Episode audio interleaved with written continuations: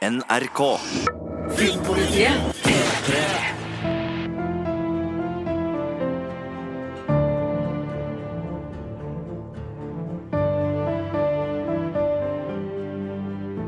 Velkommen til Westworld-podkasten. Første episode er sendt, men ikke glemt. Eh, Marte heter jeg. Med meg i studio har jeg Sigurd Vik. Hallo, hallo. Og vi har fått med oss en gjest i dag, nemlig Erlend Lunke Solbu fra Kuriøs-podkasten. Jepp. Tusen takk for at jeg komme. Det Jo. var trivelig. Veldig trivelig å ha deg her. Og det som er så kult med å ha med deg i denne Westworld-podkasten, er at du har jo litt grann mer sånn innsikt på vitenskapen det Sigurd og jeg har. Og det tenker jeg kan være relevant da, eh, når man skal se en podkast om artificial intelligence. Når vi snakker om en serie som handler om det.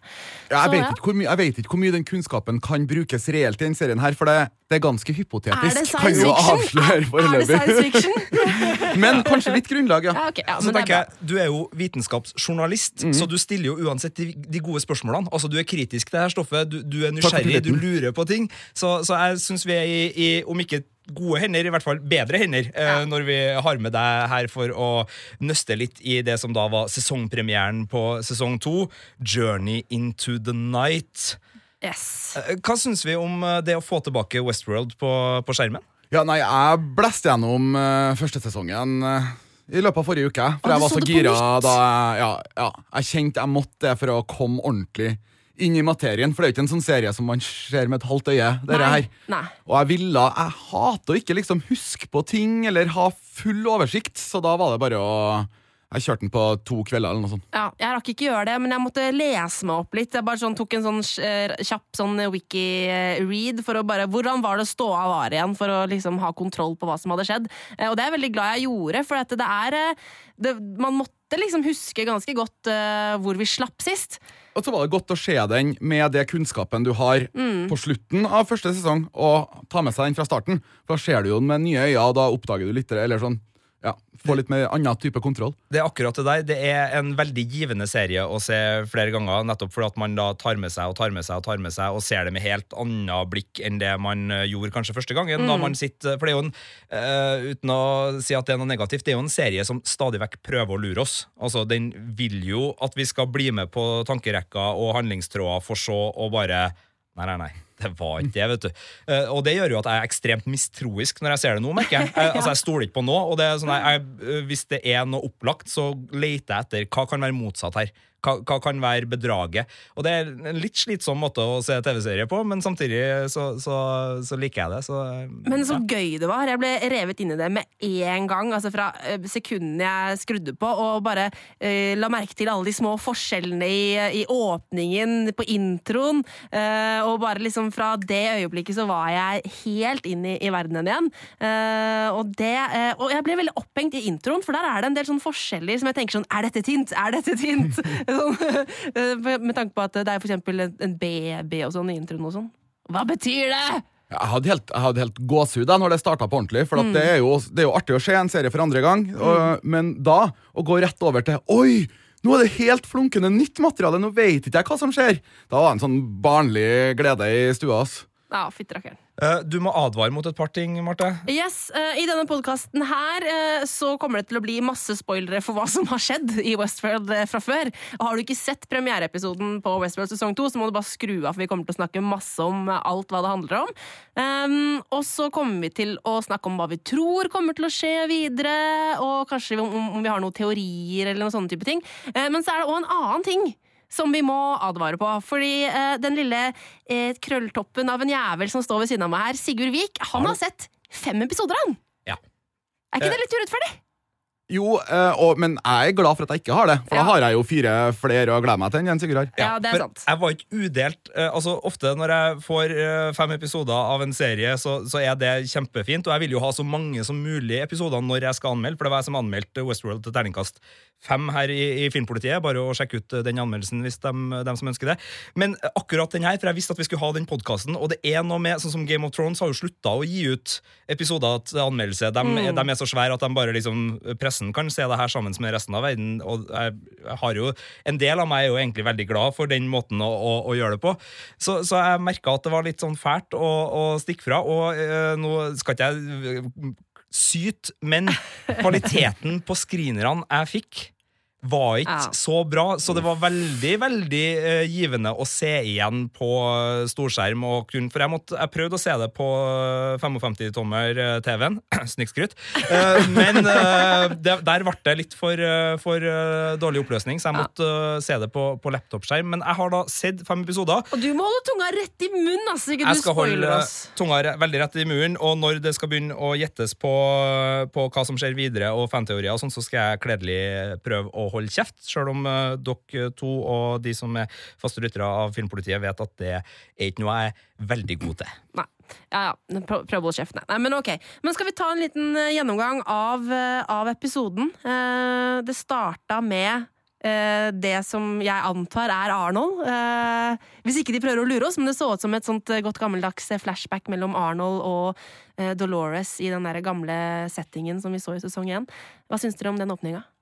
Jeg syns den var veldig rett. Jeg, jeg syns det var der det skulle starte. For det er litt som det forholdet mellom de toene som er en slags kjerne i det likevel. da. Eller det, det er starten, i hvert fall. Og jeg syns den, var- den var fin. Den var ikke sånn voldsom. Det var ikke den som gjorde mest inntrykk på meg, men jeg syns de starta rett.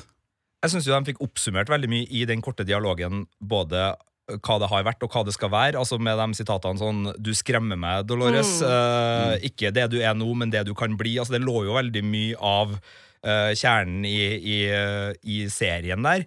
Eh, jeg var vi litt eh, redd for at serien nok en gang skulle begynne med de repetisjonene. og liksom, Vi brukte jo ganske lang tid i sesong én på å komme oss ut av de der samtalene, eh, og hadde jo sett for oss at vi nå skulle brytes jeg likte jo de altså, For jeg vet at du syns starten på sesongen var veldig treig. Jeg syns den, den var litt treig, men ikke så treig som deg. Eh, jeg likte de der repetisjonene. Men jeg, jeg tror ikke vi vil få eh, så mange sånne Arnold-sekvenser igjen. Det virker i hvert fall ikke sånn. Eh, men, men det som jeg syns var litt sånn artig, da, var at det da etter at eh, det lille flashbacket med Arnold er ferdig, så hopper vi rett over til Bernard. Eh, og det fucker jo umiddelbart litt med hodet mitt, for da begynner jeg sånn Hæ?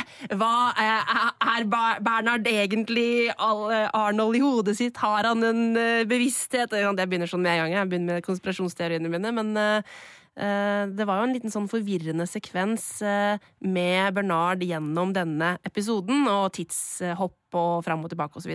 Ja, altså, Han som hadde recappa for Dagbladet, Han hadde trukket en konklusjon at siden Bernard var i neste scene der, så var det en Bernard vi så i den Mm, åpningsscenen òg. Ja. Jeg hang ikke med på den, men det er da en mm. Argumentasjon som- som, er put out there. Ja, nei, Den uh, følger ikke jeg nødvendigvis, men jeg vil se mer. Men ut fra både klær, uh, samtale og stil, så virka den uh, det, det smakte Arnold av den det. Mm. syns jeg. Ja, men, men igjen, det her er jo en serie som stadig vekk trekker kanina ut av hatten. Ja, så Også, Vi har jo spekulert eh, tidligere på om eh, liksom det store temaet for sesong to er eh, dette om eh, disse robotene er laget for å kunne eventuelt etter hvert laste opp eh, menneskelig bevissthet i dem. Eh, og om da kanskje er det mulighet for at kanskje bevisstheten til Arnold ligger lagret inni Bernard en plass, for eksempel. Eh, det er sånne ting jeg begynner å tenke på da, når de bevisst klipper eh, det så tett. Eh, men eh, vi får se. Jeg likte, jeg likte introen. Hva syns dere om den definisjonen som kom på hva som er ekte og ikke? da? Det ble jo spurt. Ja eh, Husker du svaret? Eh, Alt som er uerstattelig. Ja. Det... Den, den ble sittende og tenke litt, eh, eller å tøgge litt på, i hvert fall. Eh, ja, Er det da Dolores sier uh, svaret, det, det svaret er ikke uh, en, Det er ikke sant. Mm. Eh, ja, ja. Ja, det er ikke helt ærlig, var det hun vel svarte på det. ja, det er ikke helt ærlig. Ja. Eh, det. Det er sånn jeg får litt sånn vondt i hodet av det spørsmålet. At jeg klarer ikke helt å liksom Hva betyr det?! Ja, men jeg likte det, for det starta Jeg fikk sånn, jeg satt faktisk på uh, pause, for jeg begynte å spinne litt, grann, uh, tankene der. Uh, og så var jeg sånn Nei, nå må jeg ha fem minutter på å tenke på det sånn at ikke det på en måte ligger og kverner når jeg går videre. Om jeg var enig i definisjonen eller ikke, eller om jeg synes det var en god Var, var du enig da, Nei, jeg kom noe, jeg kom ikke til noe enighet med meg sjøl ennå, men jeg syns det var et artig innspill. Mm, og det er sikkert noe sesongen kommer til å kanskje utforske litt videre. Ja, Det var akkurat det jeg tenkte, siden det spørsmålet kom så tidlig, og det svaret kom der, så var det tydelig at det var ja, slo an en slags sånn tone. Hva syns dere om greia på stranda, der vi møter de to svenske skuespillerne Gustav Skarsgård og Fares Fares i nye roller, som henholdsvis litt sånn sikkerhetssjef-typen eh, Carl Strand og tech-mannen Costa? Jeg, jeg, jeg, jeg, jeg likte begge rollefigurene godt. Eh, Jeg syns eh, Fares Fares sin figur eh, Eller han gjorde en god figur som denne litt sånn eh, ja, vitenskapsfyren som må bare sånn foreta en slags eh, robotobduksjon midt på stranda. Eh, og så tenker jeg Jeg fikk en veldig sånn derre bad guy-vib av eh, Skarsgård sin rollefigur. Fikk dere det? Ja, absolutt. Han, eh, han kom ganske sånn lett inn i den der eh, Han her er ikke en veldig empatisk eh, fyr som eh, kommer til å vise omsorg for spesielt mange i denne verdenen. Han virka kald, kynisk og, og brutal, og Ja. går jo, gikk jo rett inn i den der hva er det egentlig Delos-kompaniet holder på med? Og Der fikk vi jo flere hint utover i episoden om at det er hemmelighetskremerier her, og at uh, deres uh, misjon er vel ikke bare uh, å, å fornøye folk i en fornøyelsespark, men de har helt andre motiver som vi sikkert kommer til å komme tilbake til. Og så synes jeg den funka så bra for å vise at sesong to er noe litt annet enn sesong én. Nå har jeg slått inn noen dører her, for at nå var det den der uh, utafra, kom inn i parken, eller de merga den der utafor virkelige verden, og parken på en måte vi ikke helt har sett før, og sa at sånn Det her er den virkeligheten dere må forholde dere Ja. til den sesongen her. Og veldig sånn, Nå er illusjonen brutt. Ja. Ja. Veldig på den måten. Og barnesikringa av for alle. Ja. Altså Nå kan alle dø. Det er ikke noe, noe sikkerhetsnett der. Men uh, det der er interessant, fordi uh, hvis man går tilbake til, til idéskaperen bak eh, Westworld sånn helt, altså han Michael Crichton, er det han heter, forfatteren som både laga filmen Westworld på 73, og som også skrev Jurassic Park-boka. Altså der er, I begge de tilfellene så er jo fornøyelsesparken går jo ut i kaos sånn. Altså Det er umiddelbart. Men Westworld-serien brukte jo hele første sesong på å ikke gjøre det. Altså holde oss i verdenen og la oss oppleve verdenen og la oss skjønne verdenen. Men nå begynner jo kalle Jurassic Park-scenarioet eh, til det fulle, og det så vi jo da med Dolores, som da også er på hevntokt, som de ser når de åpner den skjermen og får se at hun er kaldblodig som pokker. Eh, hva syns vi om måten liksom eh, vitenskapen snur seg mot skaperne på eh, ved at parken kollapser sånn sikkerhetsmessig? Jeg er veldig glad for at vi fikk en hel sesong med, med å bli kjent med parken først. Altså, for det, det jeg synes det er veldig artig det premisset her, og man tenker seg jo hva hadde man sjøl gjort hvis man skulle inn i parken og ser på den som en svært sånn escape room eller whatever. Og, så jeg er veldig glad for at, de ikke, at den ikke kollapsa umiddelbart, men samtidig det måtte skje noe. Ja. Eh, Det var på tide. Så jeg syns det er helt strålende løst, egentlig. Ja, jeg synes også det er veldig godt løst. eh, Og det med at det, det er nå vi på en måte får oppleve kollapsen. eh, Da har vi jo fått sett hva eh, robotene har fått opplevd. Vi har fått empati med dem. Altså Hvis de umiddelbart hadde snudd, så hadde vi kanskje ikke tenkt å, de er bevisste vesener, stakkars dem. Eh, Da hadde vi mer tenkt på det som liksom noe, noe grusomt og farlig som bare må knertes. Eh, Men eh, nå heier jeg heier jo på Dolores, jeg, liksom. Selv om hun er badass. Ja. så på grunn av alt de har gjennomgått. Um, Og de, de henrettelsene på stranda i den scenen òg, Ja. de var jo skikkelig fæle, Ja, selv om det var robotene. ja. Men, men gikk ikke det veldig tregt? Altså, de, de skjøt liksom én, og så gikk det sånn så prata jeg i et minutt, og så Nei, det var ikke så ille. Jeg bare sånn, det, det var ikke den mest effektive avstra eh, Ja. henrettelsesmetoden. eh. Nei, men vi hørte ikke helt Så jeg tenkte, prøver jeg å få noe info ut av dem, eller noe sånn innimellom Ja, der, for vi hørte ikke samtalen ordentlig, for ellers mm. ville det vært helt komisk at de skulle stå sånn og, Ja. Og torturere, eller Ja, ja. men jeg, for jeg, jeg, enten så er det at uh, de er liksom litt sånn eh, eh, fæle folk som bare liker å torturere roboter. Eh, eh, men jeg tror heller det kanskje har noe med at eh, de ikke tenker på robotene som noe som helst menneskelig. At de tenker ikke over at det er tortur for de som står der og ser sidemannen bli drept, liksom. Litt som når jeg er veldig treg når jeg snekra potetkassa som 18-åring på gården til onkel. Og det var ikke sånn at jeg liksom eh, mekanisk gikk med den spikerpistolen og tut, tut, tut, Men for tut, tut. onkel Det var det tortur at du var så treg. Ja. Nei, men jeg tenker sånn, Det er jo folk som er på jobb, disse sikkerhetsvaktene, så det er jo helt Ja, ja. greit å ta seg litt tid Dreper en mellom robot der, ja. dreper en robot der. Men eh, jeg må ærlig innrømme, akkurat der og da så trodde jeg på grunn av min mistro at serien igjen Skulle foregikk i et annet tidsplan. Yes. At det der var noe som hadde skjedd før. Jeg Fordi begynte å lure på det samme. eh, parken har liksom kollapsa flere ganger, så jeg tenkte at det her er ikke etter uh, Ford-henrettelsen på slutten av sesong én. Det her er noe som uh, For Bernard var litt sånn Er det her nå? Altså det, var, det var mye sånn der uh, ja, tidslinjehinting og sånn. Jeg ble i hvert fall mer og mer mistroisk til det utover episoden. Men så får vi jo se at de beveger seg inn i det scenarioet vi så på slutten av Ja. uh, sesong én, blant annet, pluss at uh, det er flere rollefigurer som henger sammen, som gjør at jeg tror det her er uh, vår nåtid, på en måte. Altså det, det framste laget av tidslinja. Ja, og det er jo to uker etter eh, sesongfinalen på sesongen, så vidt vi har forstått. Og så, hvis vi da skal stole på det serien gir oss, da, så er disse flashbacksene Bernard får, er det som har skjedd i disse to ukene frem mot dette punktet. Ja. Det er i hvert fall sånn det fremstår. Ja, og det med at Bernard var, ikke hadde helt kontroll på, på tid og rom, eller rom hadde han kontroll på, men ikke tid, det leste jeg mer som uh, at vi skulle etablere det at han har trøbbel med Ikke hodet sitt, og han Ja. glir inn og ut av forskjellige virkeligheter, men at det var etablert at det her er. var ja. Mm, det er jo også veldig fascinerende. Ja, og jeg er helt på den, jeg òg, men jeg bare jeg ble liksom Fordi jeg mistror Ja, du er veldig mistroisk. Ja, jeg er mer tillitsfull av type, tydeligvis. Jeg kan, altså, jeg kan aldri gå inn i menneskelige relasjoner på samme måte som jeg relaterer meg til Westworld, merker jeg, for da kommer jeg aldri til å stole på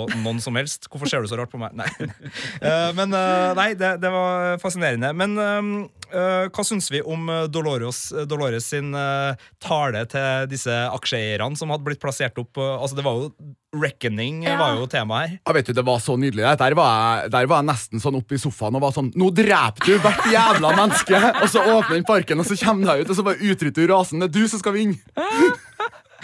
Ja, ikke sant? Dere er oss overlegen! Bare ta Ja. med verden! Kom igjen! Du har, fortjent, du har fortjent det her nå.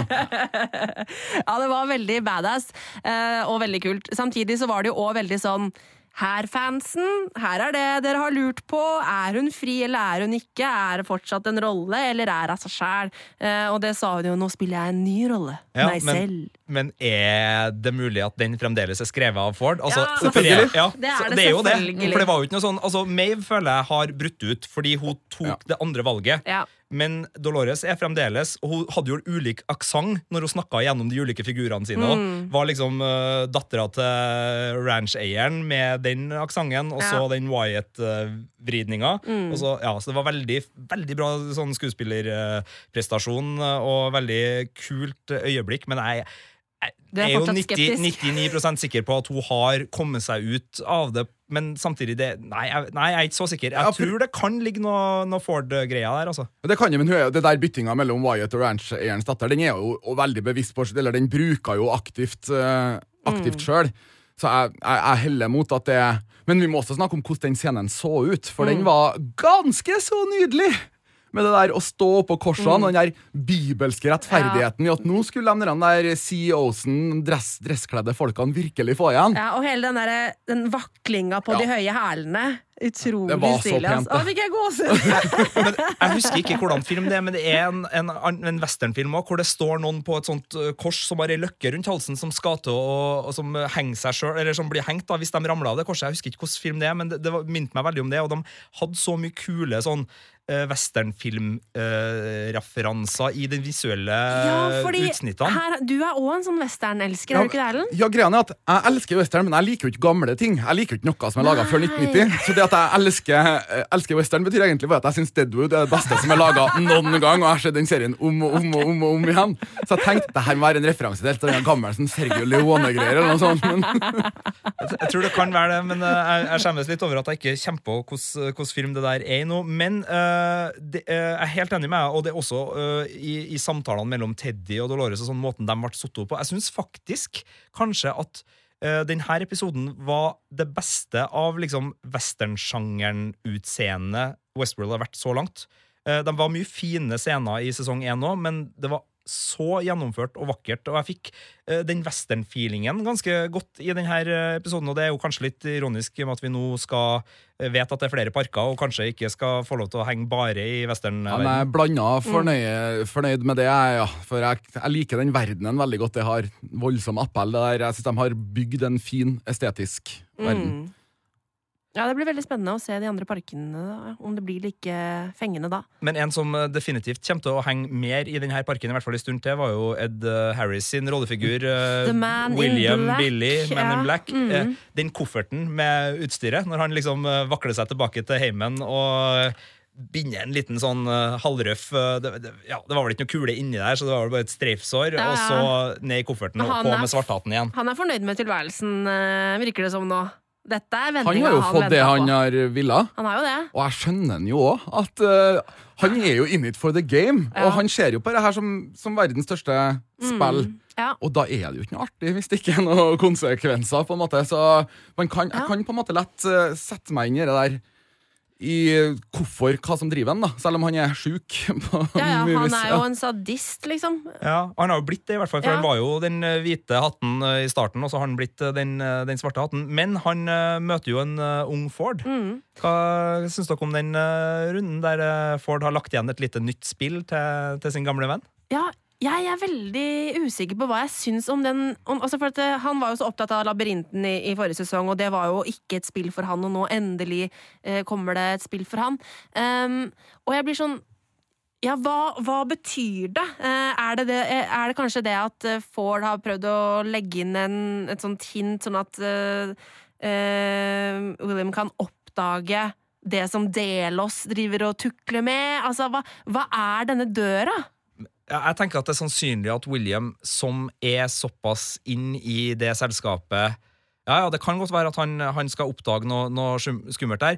Eh, en annen vri som jeg har sett eh, folk snakke om, er eh, For det, det er jo tittelen på sesongen.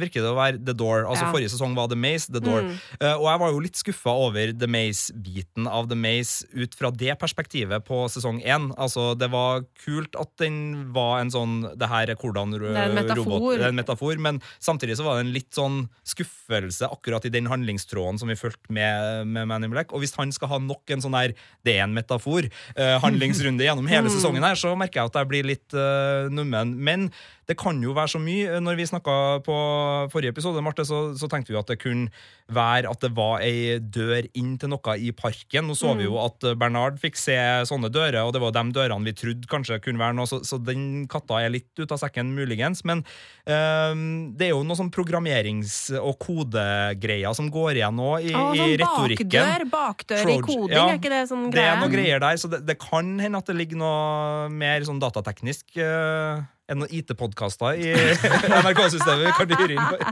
Nei, jeg synes det, det, er vanskelig, jeg det er vanskelig på en måte eh, spekulere noe særlig så, så Ja. tidlig i sesongen, men jeg tenk, det jeg tenkte umiddelbart, var at han har laga et spill som ender med at, eh, at Man in Black tar ut sitt eget firma på et eller annet vis. Eh, at det er det som er At det er han som på en måte ødelegger eller fucker opp Delos til slutt, på et eller annet vis. Det er ikke Og blir styrt inn i et eller annet narrativ, da.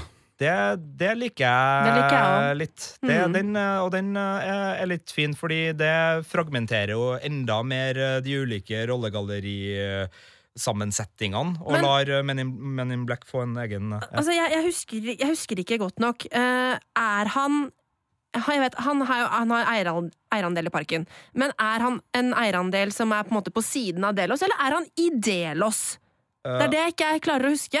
Nei, Det vet ikke jeg helt ærlig. Fordi- Det vet jeg om vi, det vet jeg om vi helt sikkert skal vite. Nei, men for da lurer jeg på, for det kan jo hende Jeg tror, jeg tror ikke vi har fått vite det, eh, og derfor kan det jo hende at eh, Det kan hende han er mot Delos, Mm. for alt vi vet.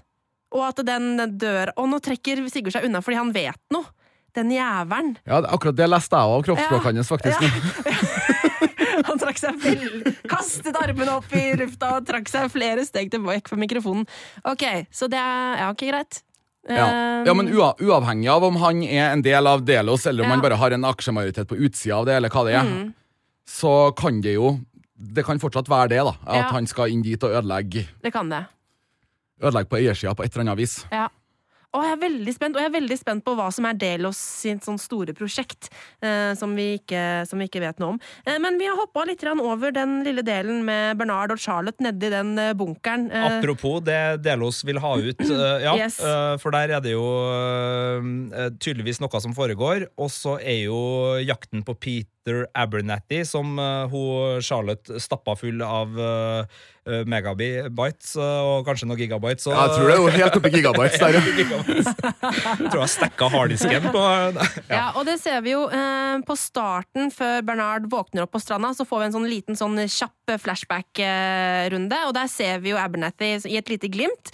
Eh, så da regner jeg jo med at etter den bunkeren en eller annen plass, så møter Bernard Abernathy et eller annet sted. Um, men der begynner jo også Bernard å oppdage hva som har skjedd med seg selv, eller hva, hvilke trøbbel han er ute i. Ja, han øh, er i ferd med å Og jeg, jeg husker ikke helt om øh, det var skader han fikk på en måte i forrige sesong, eller om det er den kakken han får i stallen som gjør at det begynner å renne ut sånn væske fra øret. Men det er tydelig at den væska er alfa og omega for mm. at uh, disse bioandroidene skal ha det noenlunde ålreit. Eller om det er noe helt annet. Og er det noe, vet vi, kan de gå når de ikke får uh, vedlikehold? Ja, hvor lenge Er det er jo- konsekvens av det? De kan ikke gå uendelig, liksom. De må jo være, gå på noe, dem òg. Ja. Det er Kjempeinteressant. Og bare kort, veldig interessant at stallgutten tydeligvis var en såpass lavtstående Eller en førstegenerasjon, så er det et eller annet som ikke hadde blitt oppgradert eh, Nei. eller frigitt sammen med resten av eh, rollefigurene. Så det er tydelig at det er litt sånn eh, interne ulikheter, slags klassesystem nesten, i det her samfunnet. Men Ja, når du nevner det, altså Dolores uh, skøyt jo en, uh, en host. Ja, du skal ikke være med til det veldige? Eller hva Nei, det er ikke alle som er uh, Skal være med til det lovede land? til, ja, til det lovede land. Sånn at uh, det kan jo hende at eh, hun rett og slett knerter alle de som ikke har fått oppgraderingen, kanskje. Uh, den oppgraderingen som gjorde at de kan oppnå bevissthet. Men Som- de kan oppnå bevissthet. Den stallgutten den kan jo ha, ha potensialet for å oppnå bevissthet, men at den ikke Ja, har det- fått sesong- den. Ja, Det har gått kort tid. Ja, ja, det kan òg hende. At han ikke har fatt, hatt, hatt nok sånne reveries til at han har liksom Ja, han er jo bare en dum stallgutt. Ja. Hvor mye reveries kan du ha, liksom? Hvor Men mye? nå er vi jo inne i det jeg mener er kjernen av uh, forskjellen på sesong 1 og 2, egentlig. Fordi sesong 1 handla veldig om, mye om går det an at uh, kunstig intelligens kan få selvbevissthet og, og oppnå det, og hvordan uh, det er mulig på ulike vis, da med Dolores og Mave som to ulike eksempler der på hvordan det skjer. Eh, mens sesongen her virker mer å handle om øh, hvordan utvikles personlighet og ø, moralske veivalg ut fra en blanding av selvbevissthet og programmering. For det er tydelig både på dialog og alt mulig at det er, det heng, altså Selv om de nå beveger seg fritt, så henger det jo igjen programmering, og det er jo mange her som ikke har Ja, oppnådd selvbevissthet i hele tatt. De er bare, de er, de bare er ikke begrensa av programmeringa lenger, men de har med seg sin programmering og går ut og går da bare videre og spinner videre på den og har disse mulighetene til å gå videre. Så jeg tenker Temaet her blir jo hvordan ulike eh, roboter da vil, vil uh, kunne ende opp på ulike steder basert på, på litt sånn arv-miljø. Ja, det, det jeg skulle ta si, det er jo arvmiljø i robotverdenen. det her. Vi har jo med. Vi har jo med. Vi har jo Du kan ikke snakke om arv og miljø, du òg. Jeg får bare se på Teddy, da. Ja. Han syns fortsatt det er ubehagelig å drepe folk. Ja. Uh, han, han er jo fortsatt i den snille, trivelige fyren som han er programmert til å være, selv om han nå har klarer å foreta egne valg. Så Ja, og hvis du har det brettet som han Mave drev og justerte på seg sjøl og ga de forskjellige mm, parameter, parameter, eh, så kan jo, hvis han har 20 på snillhet i utgangspunktet, eller noe sånt, og 20 på føyelighet, så skal det en god del eh, miljø til for den arven der eh, viska bort, kanskje. det, og det var en smart måte å se det på. Ja, det er en veldig fin Og det, det er jo tydelig på Dolores at øh, det ligger spiraler av gamle programmeringer som det er mulig, og det er jo Mave visst med den datterbiten, at det, det ligger i ulike lag der. Jo, men Ligger det igjen de gamle programmeringene, tror du, eller er minnene? Ligger det igjen de gamle Minnene, statsene han hadde? For det vet ikke vi. Uh, Nei, det vet ikke nei. vi, men jeg tenker uh, st- Ja, det er vanskelig å si, men uh, jeg tror nok minner og egenskaper er vel kanskje òg knytta sammen. At det er vanskelig å, å Ja. rive dem fra hverandre. Og hvis du har ei datter, så er og, og, Altså, ja. Altså, det, det henger sammen der òg. Det er noe med de tingene du husker, kommer fra hvordan personligheten din var. Eh, Og hvis personligheten din blir radikalt endra, og du likevel klarer å fange opp det laget, da, så, så tenker jeg at det kan være noe. Uh, mens vi er på vitenskap-biten, og da eh, mer i naturvitenskapen, fordi i denne runden der de skal prøve å finne eh, Abernathy, så eh, snakkes det om at det er et Mesh-nettverk, som er som ei maurtue, hvor eh, underbevisstheten til alle disse androidene eller robotene da kan eh, liksom prøve å pinge hverandre for å, å både unngå å krasje i ulike storyopplegg, og, og samtidig da klare å finne hverandre i det her. Hvor, hvordan syns du det er løst, sånn ut fra den sammenligninga de sjøl gjør da med, med maurtua? Nei, den syns jeg Nå er jeg ikke, noe- jeg er ikke noe maurtue-ekspert, sånn i, i utgangspunktet.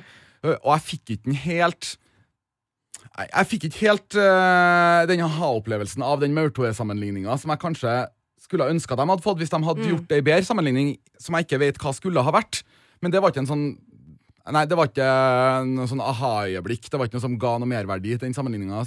Nei, for jeg tenkte det var et veldig praktisk øh, Det var en veldig sånn praktisk øh, plottvirkemiddel. Ja. øh, Men samtidig så kan ikke jeg nok om det her. Og jeg likte jo òg på et vis at de Men, men det, altså, jeg merker hele tida så ligger Westworld og øh, Den ligger i ytterkanten for hva jeg umiddelbart klarer å forstå. Altså Jeg må støtt og stadig liksom øh, gjøre noen tankerekker for å liksom fange opp Ja, OK, så da er det mulig. Uh, jeg øh, tror jeg ofte kommer dit at jeg skjønner sånn halvveis hva det er de driver og snakker om, men, men det ligger liksom Den ligger i ytterkanten av min uh, kunnskapshorisont, serien, på, på noen punkter, og det gjør at jeg blir litt usikker på om det er sånn der ah, Så teit, eller om det er Ja, sånn sånn, ja. Hm, det der var smart. Ja, ja, På noe av det så har jeg kompetansen til å være sånn umiddelbart Ja, det var smartaktig. Men på det som går på mer datating, det er ikke, det er ikke fagfeltet mitt, altså. Men altså, eh, vi vet jo at eh, når man putter ting nærme hverandre, altså mobiltelefoner nærme hverandre, så kan man utveksle informasjon. Så det er jo helt sånn teknisk mulig, Ja, ja. tenker jeg. Eh, og Ja, ja, og det absolutt. at de utvik... Jeg tenkte, tenkte det var helt logisk, jeg. At, og forklaringen vi fikk på hvorfor det var sånn også, at for at disse eh, scenarioene skal gå som de skal, så må de utveksle den informasjonen uten at de vet det. Men det å liksom sende en helt sånn konkret beskjed, sånn 'møtes der nå', er jo litt sånn eh, rart, kanskje. Men eh, jeg syns det fungerte i fiksjonsuniverset. Uh, Mave har ikke vi snakka om enda. Nei, det er eh, Hun er kul. store. Hun er så Hun kul. er kul. Ja. Men unnskyld meg, uh, jeg, uh, hun snakka ikke med så britisk aksent i sesong én, vel? Eller er det jeg som Hun feil? Hun feil? opp britisk til 20. Hun gjorde det, ja. Ikke sant? Hun, hun gjorde det når hun drev med det brettet sitt. Ja. Du virker smartere, da. Når du skal være smart i USA, så snakker du med britisk Ja, aksent. også når du liksom skal være sånn eh, Du skal være sofistikert og ha Mm. sånn liten svart kjole. Da må du snakke britisk. Men hun er dritrå. eh, Og jeg ligga, ligga Jeg digga veldig godt den delen hvor eh, Hva heter han derre scenarioduden? Sizemore? Lee.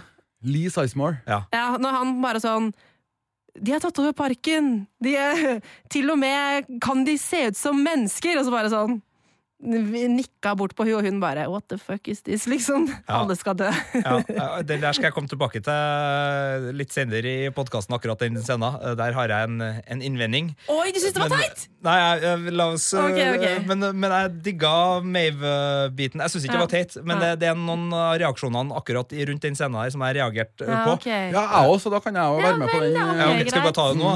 Ok. Jeg, jeg syns han balanserer hårfint på grensa til å være litt for mye comic relief Å, noen ganger. ja, og det her, har du allergi mot. Jeg vet at det Ja, har du veldig allergi mot. Ja. Mens, mens jeg er litt sånn Ja, du koser deg med det. ja, uh, både- det, og, ja jeg- eh, litt det, men, men, der har ikke, jeg- men det var det med uh, Altså, Mave jeg bare, eh, I mitt hode så er hun en av liksom, parkens mer kjente ansikt. Sammen Ja. med Dolores. Kanskje figurert på noen reklameplakater. Hvem vet, kanskje når du ankommer uh, togstasjonen på Westworld, så, så ser du liksom Mave. Uh, og det at vakten ikke aner hvem Ja, hun er. det er her, det her er jo ikke vakter i parken. Det her er jo folk utenfra som er sendt inn. Nei! Ah, jo, er det ikke det? Ah, det Nei, fordi uh, det her er jo 14 dager før uh, det kommer noen redningsaksjon, så det her er jo vaktene i parken. Nei, det vet jo ikke du. Hvordan vet du at det er 14 dager før? Nei, det antar jeg, for, Det- fordi uh, Men Seasmore har jo ikke vandra rundt i 14 dager. Altså, Han oppdager det jo, og alarmene går. Altså, Det, er, det virker å være Ja, det er Den storylinja tror han, i hvert fall jeg eh, er rett. Altså, Han, eh, Don. Juangen eh, driver fortsatt og blør, Ja. så der må det Så det er litt sånn rett etter han Ja. og Ingrid Bolse Berdal har uh, kosa seg. Så jeg tror i hvert fall det, og da syns jeg det er kjemperart at vakten i, eh, som jobber der, skal gå igjen. på med er et menneske. Vi trenger ikke bare spekulere om hun har vistes på noe fjes. For første gangen hun er opp, så ser hun seg sjøl i en av reklamefilmene Stemmer i den det. rollen som mora på Stemmer på prærien. Ja. Så da er hun Ja. en de selger inn parken med. Ja, er, og Så, da er så det da syns jeg den skurra bitte litt. Rart. rann. Men når det er sagt, elska den lille For jeg er ikke så allergisk mot comic reliefs, da. Så jeg likte den der sånn Kanskje det Altså, jeg likte scener, og jeg skjønner at de har med scener, men det var bare sånn her umiddelbart så bare Nei, det Er det den veien vi skal gå nå, liksom? helt. Ja. Men jeg synes det var bedre, for det var jo det var en mer uhøytidelig episode. For den, den, har vært, den har vært litt balansert på grensa til å bli pompøs noen ganger, serien, eller litt sånn sjølhøytidelig, har jeg syntes, Ja. i sin egen på en måte Uh, filosofering. At de bare Så det der litt mer glimt i øyet er jeg all for. Altså, jeg bare tenker sånn Oi, må ikke han uh, sprenge løpsk med å være en sånn britisk tullefyr uh, andre enn resten av sesongen. Eh, Nå bare hopper jeg veldig mye her, men bare tilbake til da, da William møtte uh, Kid Ford. Eh, han kaller han jo for Robert. Eh, ja, det er det han heter. Men eh, betyr det at de har litt mer Altså, de, de må jo kjenne hverandre mye bedre enn vi har sett. Ja.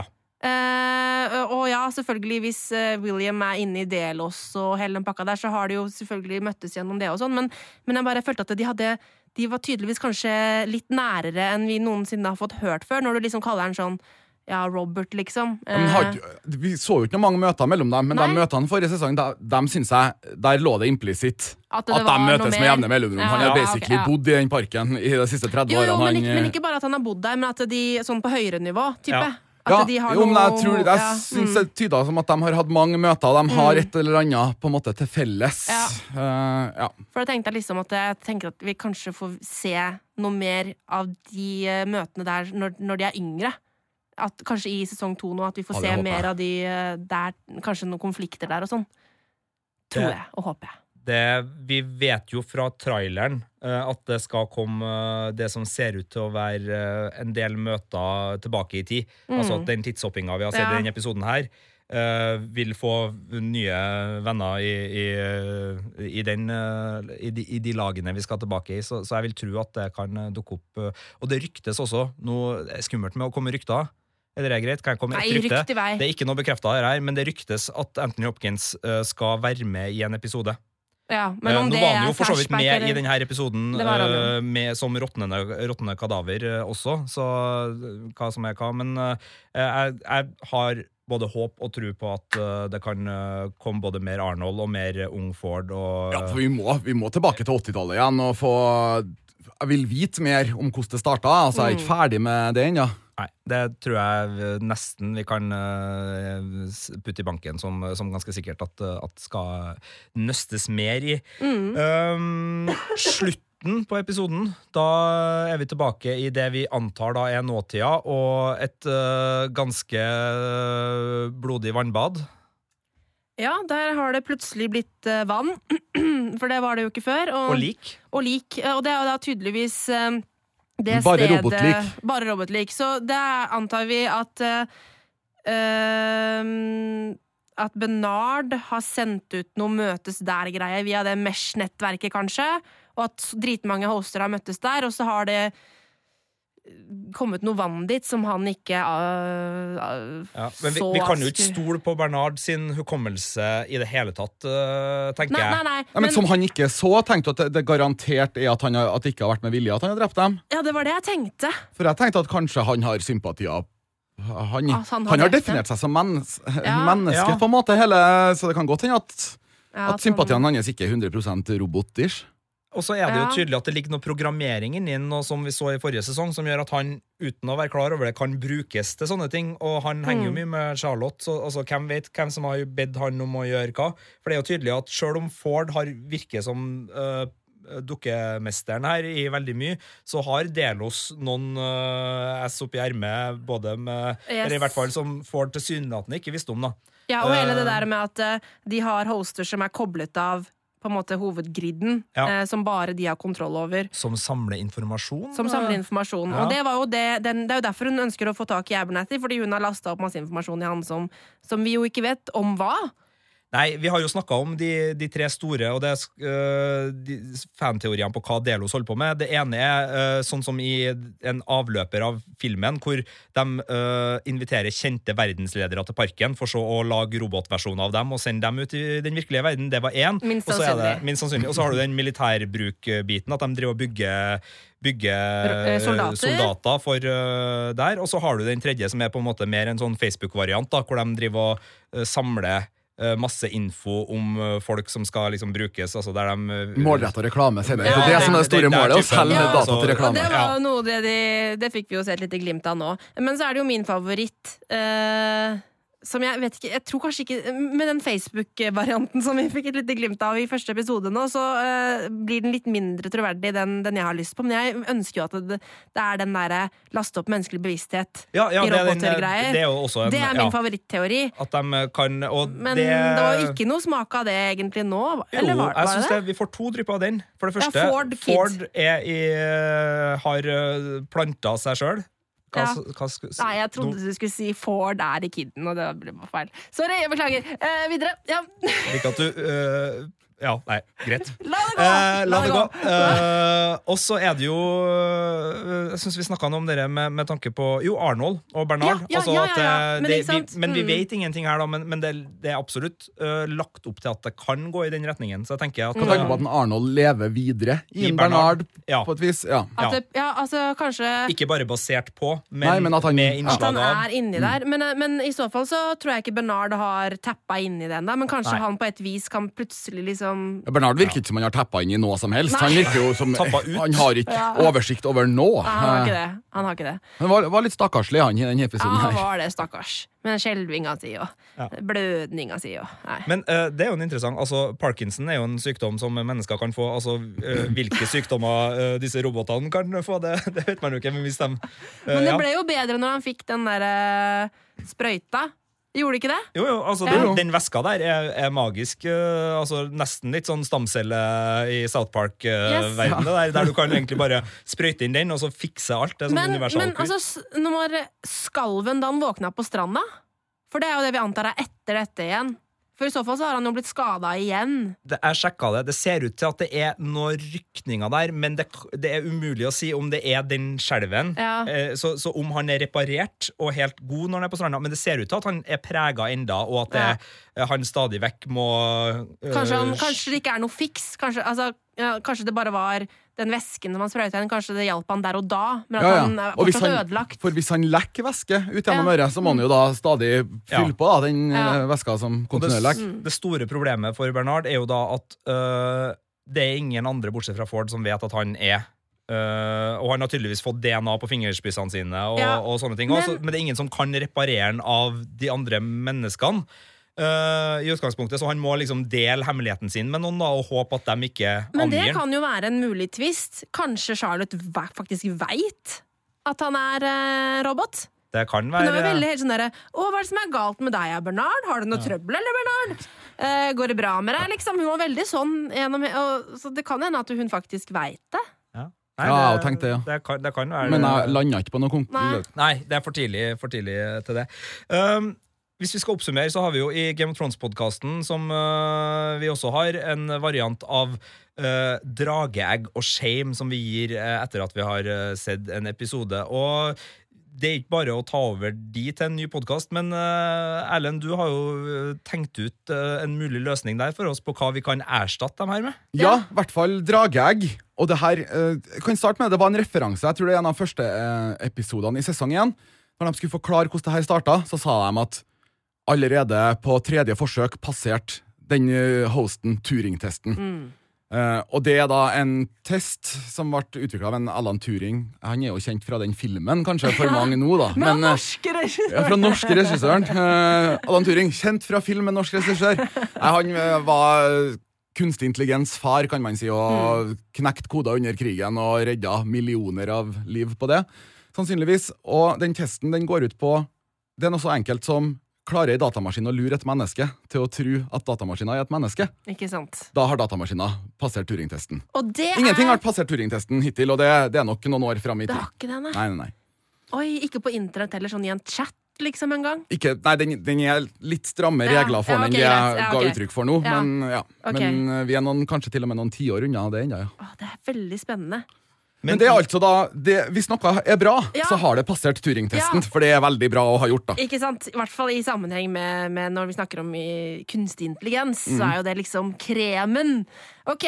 Så uh, drageegget er uh, ukas uh, Turing-test. Ja. Det liker jeg veldig godt. Beståtte Turing-test. beståtte Turing-test. Og så er det som ikke er så veldig bra i en sånn tilsvarende verden, da kan vi vel si at det glitcher. Ja, Når ting går skeis, når det er noe feil, da er det en glitch. Og nå må vi bare si til alle glitchpop-entusiaster der ute som, som liker musikksjangeren hvor det er litt sånn gamle CD-hakkefeil eh, planlagt og lagt inn i musikken, til dere eh, ikke blir fornærma nå, da. Eh, men men vi, vi bruker glitch negativt her, og gir ut ukas glitch også. Ok, Hva skal vi begynne med? Nei, jeg vet ikke. øh, Vi kan starte med, med glitch, da, for der føler jeg vi har vært litt øh, innom det med, med ting vi har uh, pirka litt på. Jeg kan jo si, For meg så var det der at vaktene ikke kjente igjen Mave, Ja. var, var ukas glitch. Altså, jeg syns det var litt rart, men det er ikke noe stor ting. Det er en sånn liten skjønnhets... det er ikke en feil heller, vet du. Men, men for meg så var det litt sånn nei, oi, sånn, ja. da ble jeg litt dratt ut av det. Hva- men er det noen andre som har noen andre Ja, jeg har en, det er helt på slutten der, når vi zoomer inn på et fjes under vann. ja. Så sånn, hvem er det der? Og så så ikke jeg hvem det var. Og så måtte jeg drive og google for å finne ut at det var en Teddy. Og det var Ja. noen som hadde helt Du- åpenbart sett det. Det Jeg, også syns det ligna på Teddy. sett. Nei, jeg synes det Ja. ligner på Teddy, men jeg synes ikke Ja, at det, man kan ikke si at det er Teddy. Å nei, for, jeg, da trodde jeg det, for da var det så halv... Ok, så da skal det være noe ullent der. For Jeg hvis det, det, altså. skal Ja, okay. være up for interpretation, så trekker jeg tilbake den glitchen. For jeg trodde at det var bare det at de tenkte å vise frem at det var en Teddy, men de visste bare ikke helt godt nok. For da skulle ha fått mye mer trøkk hvis du hadde et ordentlig Ja, bilde av at han lå her. Ja. Oh, shit, Ja. hva faen har skjedd? Ja, jeg, jeg tenker at de vil at Hmm. vi skal absolutt kunne tenke at det er en Teddy. Fordi det, det er ikke sånn at det ikke ligner, men samtidig, som jeg er helt enig med altså Hvis de ville gi den sjokkeffekten på slutten, Ja. da, da måtte de jo ha gitt oss et, det, et, et tydelig så, så jeg tror de spiller på den, øh, det tolkningsrommet, da. Men øh, Hmm. ja. Ja, hvis- ikke det, så går i hvert fall Nei, men da sier vi at Da gir vi dem benefit of the doubt der, kanskje. Og da syns jeg at glitchen var det der at han pekte på Mave med litt sånn komisk eh, øyebevegelse, som jeg ikke likte, som han måtte likt. For jeg, på en måte- ja, altså, jeg, jeg likte jo litt den delen, men, men jeg kan jo være enig i at det var en litt sånn rar altså, det, var, det var en litt sånn u-Westworldsk scene, kanskje. ja den, Eh, den, den smakte litt Den brøyt litt, kanskje. Det var litt mer Benny Hill, syns jeg. Eh, Så jeg kan, jeg kan, selv om jeg syns det var litt kult, så kan jeg bli med på at det kan være ukas glitch. Nå fikk jeg lyst til å trene inn det Benny Hill-blikket, så at jeg kan bruke det i ulike settinger. Benny Hill-blikket? Ja, han har en sånn der nesten Det er litt sånn nudge-nudge, uh, Ja, know what I mean, know what I mean-type okay, blikk. det. Som, uh, det er jo egentlig gammel gris-blikket uh, satt i, med en Det smil. har du jo inne, Sigurd. Takk for det, det var dit jeg ville, på en liten fisketur der, men, uh, men fint. Men skal vi si at uh, ukas glitch går til den scenen, da. Ja. Uh, fordi det er tydelig at den trigger irritasjon i ulike deler, men til sammen så er det noe glitch i den, uh, den scenen. Ja. Ja. Enig. Turingtesten, uh, Marte, du kan uh, få begynne. Um selv om jeg syns at eh, de spiller på fansens uh, følelser veldig tydelig, noe som jeg eh, noen ganger liker og andre ganger ikke liker, uh, så syns jeg den var jævlig rå, den scenen med Dolores, hvor hun bare I got a new role myself. Jeg syns den var kul. Ja, Kan jeg bare få henge meg på? Jeg syns er helt åpenbart den scenen. Men jeg har ikke den, eh, jeg har ikke den replikken. Jeg har den beste replikken i Westworld. For Ja. hun sier jo Ja, ja, ja. 'These violent delights have violent Ja. ends'. Ja, Og da fin. Mm. var det litt frysninger. Ja, og også når hun gikk bort derfra, og så bare hva er det hun sier? Uh, uh, I see nothing Nei, Oh, Ja, hun eh, gjentok uh, poenget fra Ja. Uh. Eh, ja, som, hun si, som faren sier Nei, som hun sier når bi, eh, faren holder opp det Ja, det, bildet. at- det er ikke noe rart med det her. Doesn't, look, doesn't look like anything to me. Ja. Det var det Ja, det var mange sånne fine sånne Ja, hele den scenen der var dritkul. Ja. Ah, Jeg hadde på, på lappen min her uh, eh, musikken, rett og slett. Uh, fordi Ja. det var, jeg merka med en gang åpningsvignetten starta, så var jeg liksom åh, jeg bare kjente det der draget av glede, og så syns jeg det var så mye fine strekk der eh, eh, melodiene som eh, Javadi har laga, ble liksom fremført i en litt sånn uh, westernaktig, nesten litt sånn munnspillaktig sånn uh, toglyd på slutten. Det var så mye eleganse i det der. Og så syns jeg den The Entertainer-pianoet som starta Dolores sitt eh, blod eh, Altså som starta hele den sekvensen, var veldig Ja. bra. Men jeg tenker det enkleste her, for at jeg digga den scenen dere snakker om, og i og med at The Entertainer-pianoet er det som starter den, Ja. og som blir det der kontrasten Du har den lystige musikken fra starten av 1900-tallet, som er til og med skrevet for et sånn type piano, så det er jo veldig Ja. Og så bare mer og mer vrir det seg til å bli en litt sånn sette seg litt i halsen etter ja. ja, så, Og det er jo starten på, på hele der, så, så jeg tenker den uh, åpnings-Dolores-sekvensen eller den Dolores-sekvensen som, som, som, Dolores. ja, som, fører, som Ja. fører til begge Mm. de uh, replikkene som dere har trakt fram. Altså det strekket. Yes, jeg slenger meg med på den. Det, det kan godt få Det, det besto Turing-testen uh, Ja, da ble jeg enstemmig der. Veldig godt. Uh, da tror jeg rett og slett bare dere må kaste ut meg.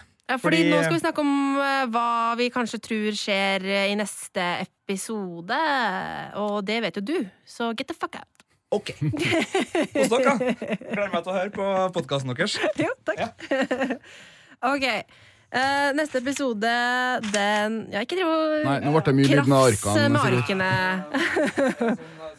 når uh, stjernene rufser på hatten for å få kameraets oppmerksomhet, så er Ja. akkurat sammen når jeg går ut. Ok. Yes, uh, Reunion heter, heter den episoden. Uh, og jeg vil tro at det er en reunion mellom uh, Mave og Dolores.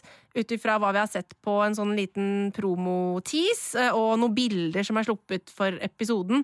Um, men eh, jeg har hengt meg veldig mye opp i det at vi skal tilbake i tid igjen. eh, og den derre eh, Noe som vi ser fra promoen. um, at vi er i enten den virkelige verden eller en eller annen park som er litt mer sånn samtidsretta. Altså, de har på seg vanlige klær og alt mulig. Eh, har du noen formening? Tror du det er i virkeligheten vår virkelighet, eller tror du det er en annen park? Sånn, I utgangspunktet så, så syns jeg det så ut som feelingen var. Ja. Eh, Instinktivt tenkte jeg nå er de ute i den virkelige verden. Ja. Men jeg håper kanskje ikke de åpner den døra riktig enda. Og Nei. Det er greit å slippe andre folk inn på den måten de har gjort det her, men hvis Mm. de allerede nå skal ut, eh, ja. da blir det veldig Da er rammene veldig utvida, altså. Mm. Så jeg kunne tenkt meg å holdt meg i parkområdet ja. litt enda. Ja, for det, det er sånn, sånn det kan se ut da, ut ifra det promomaterialet som er ute, så, så ser det ut som at vi får mer eh, William, eller Billy, som han kaller, kaller seg når han var kid, og Logan, eh, og den, hele den derre um, Når de skal starte opp sitt liksom, firma, eller inn i Det er noe sånn business Ja, for de er, tilbake, de er tilbake, men Ja. i wes- westernverdenen for 30 år siden. Mm. Men med dress, Yes. og de ser ut som eh, Ja. Ja, og det er et sånt lite klipp eh, hvor, eh, hvor eh, Billy står og, står og ser på en, eller står og snakker med en naken Dolores, eh, eller noe sånt, som på en Mhm. måte er i sånn derre hun er helt ute av det-mode. Ja. Sånn at han vet at hun er en Eller han vet jo at hun er en robot hele veien, men at Men han trenger litt er påminnelser om det. Han trenger litt påminnelser om det, og at han er litt sånn høyere oppe i systemet. Så jeg lurer på om vi kanskje får se litt mer om liksom hvordan Delos kom inn i parken, og hvordan hva Ja. som eh, Billy og Logan sin rolle er i hele dette konsernet. Ja, for han Billy ser jo ut sånn som det han gjorde da vi forlot den, eh, men det kan jo ha gått fem år. Mm. Det kan det, Eh, ikke kan? Mm. to, tre, fem år i hvert fall, eller Ja. noe sånt. Også Det er veldig kult. Også, eh, det er- Jeg er litt sånn usikker på, for det ligger en tease på YouTube. Men jeg er litt usikker på om det på en måte bare er noe som er henta fra tidligere trailermateriale og klippa sammen, eller om det er HBO sin promo. Ja. Så ta det litt med en klype salt. Men eh, der, det begynner i hvert fall med Dolores.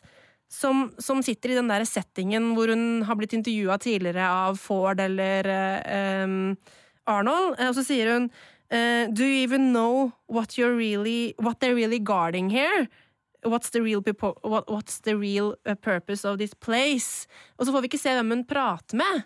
Uh, og da lurer jeg på om det er et flashback hvor, hvor hun på en måte har blitt bevisst, sånn i gamle dager før hun ble Wyatt-type, når hun Ja. snakker med Bernard, eller om det er noe nytt.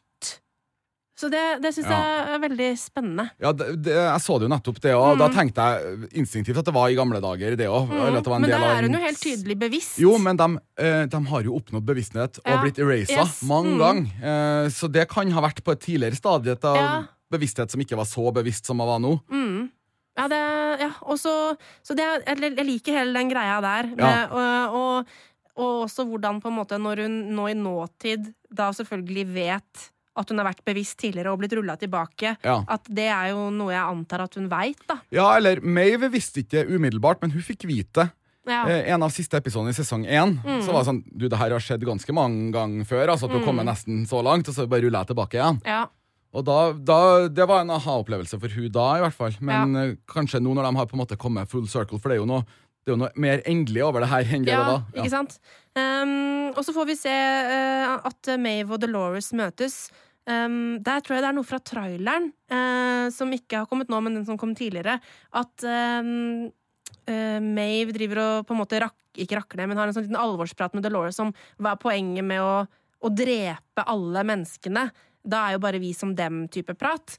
Uh, så jeg lurer liksom på litt hva som kommer ut av den. Ja, for det er jo satt opp Jeg har jo tenkt at de, de er jo satt opp til å bli mo Ja. motstandere nå. Man tenker jo kanskje at de skal være på lag, men det tror jeg absolutt ikke. Nei. egentlig ikke. Nei, nei, det jeg også tror, for det, det virker som at uh, Maeve er mest opptatt av sin egen frihet uh, og det å finne datteren og liksom uh, få, le få levd sitt eget liv.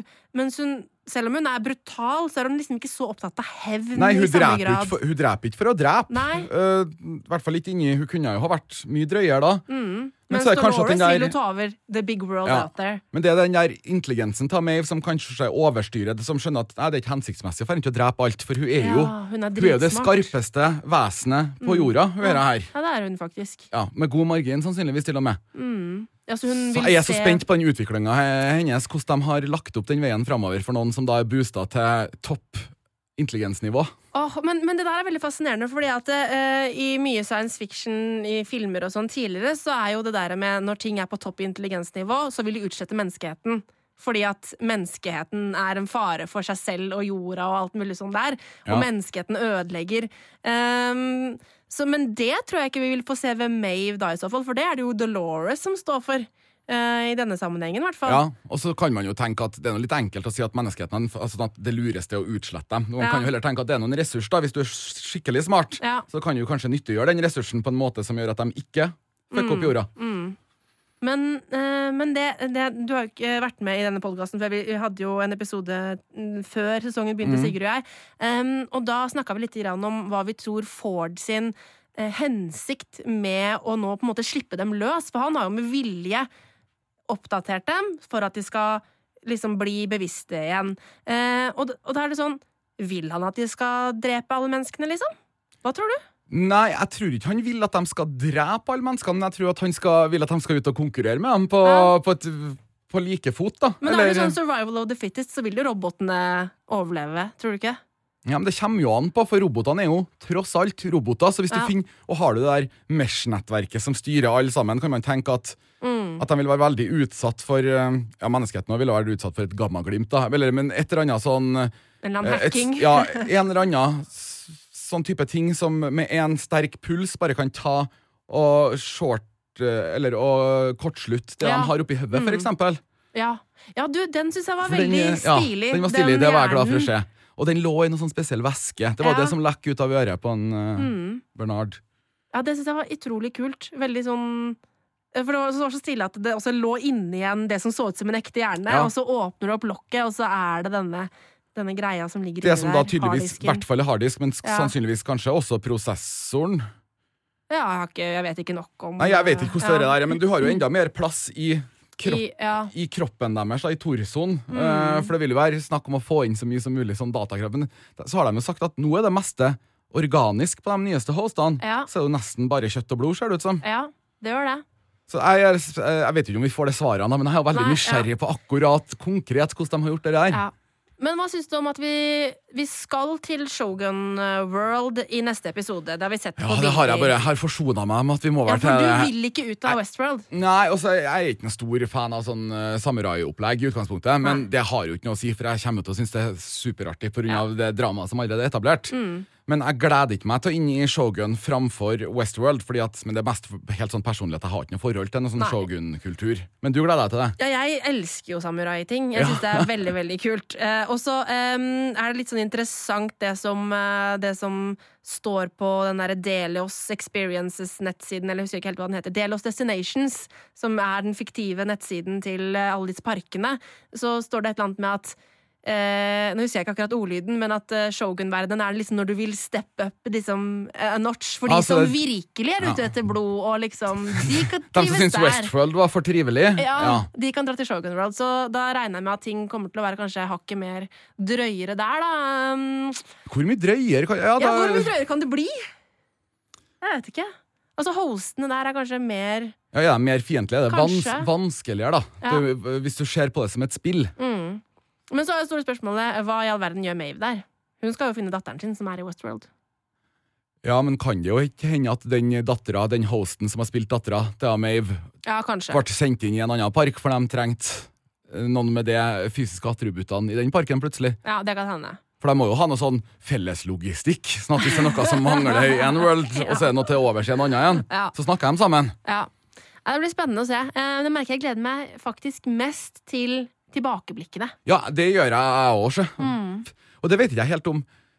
Eh, har de da vært litt dårlige til å spille opp Nåtida? siden, ja, siden det det vi Ja, kanskje. Jeg er fortsatt mest gira på hvordan ble den parken her, hvordan starta den? Mer om Arnold, mer om uh, tidlig Ja. Man, in, Man in Black. Ja, mm, jeg er enig. Altså, jeg er ikke så For det nå, selv om de på en måte har kutta det opp så det liksom virker litt forvirrende, så det kan hende at jeg blir lurt, da, men jeg tenker at den Bernhard-greia egentlig er veldig sånn strømlinjeforma. At vi bare får se, liksom. Ja, sånn var det. Det er, mens det er i den derre de virkelige tilbakeblikkene at det virkelige mysteriet ligger. da Ja, det Og tenker det, jeg det er jo svaret på hva Delos egentlig vil, ligger. Og det er jo det som jeg syns er mest spennende. Eh, hva er det som er det, den virkelige meningen med parken, da? Men det kan også hende ja, det kan hende at, For det, det har vi rukket å gjort oss opp noen teorier om. For at den verdenen er vi allerede inne i, mens hva som skjer framover, det er på en måte anybody's guess. tenker jeg det, det har ikke jeg noen forutsetninger for å spekulere i så mye, så derfor er jeg ikke så nysgjerrig på det. Som jeg er på det puslespillet jeg allerede har begynt Ja. å prøve å legge. da Ikke sant? Åh, yes, Men det blir spennende. Reunion, altså. Jeg gleder meg så sykt mye til, til mandag. Ja, det er helt Game of Thrones-nivå på hvor mye jeg gleder meg til hver episode nå, faktisk. Og det er ikke så ofte. Åh, HBO, ass. Ja, jeg er enig. HBO. ass. Men jeg må si tusen takk til du som har hørt på denne podkasten. Og hvis du har noen spørsmål eller teorier eller synsinger om serien, så kan du sende det inn til filmpolitiet at nrk.no. Um, ellers så er vi på Twitter. eh, Filmpolitiet på Twitter. Så, så gjør det, eh, og så høres vi igjen eh, neste uke.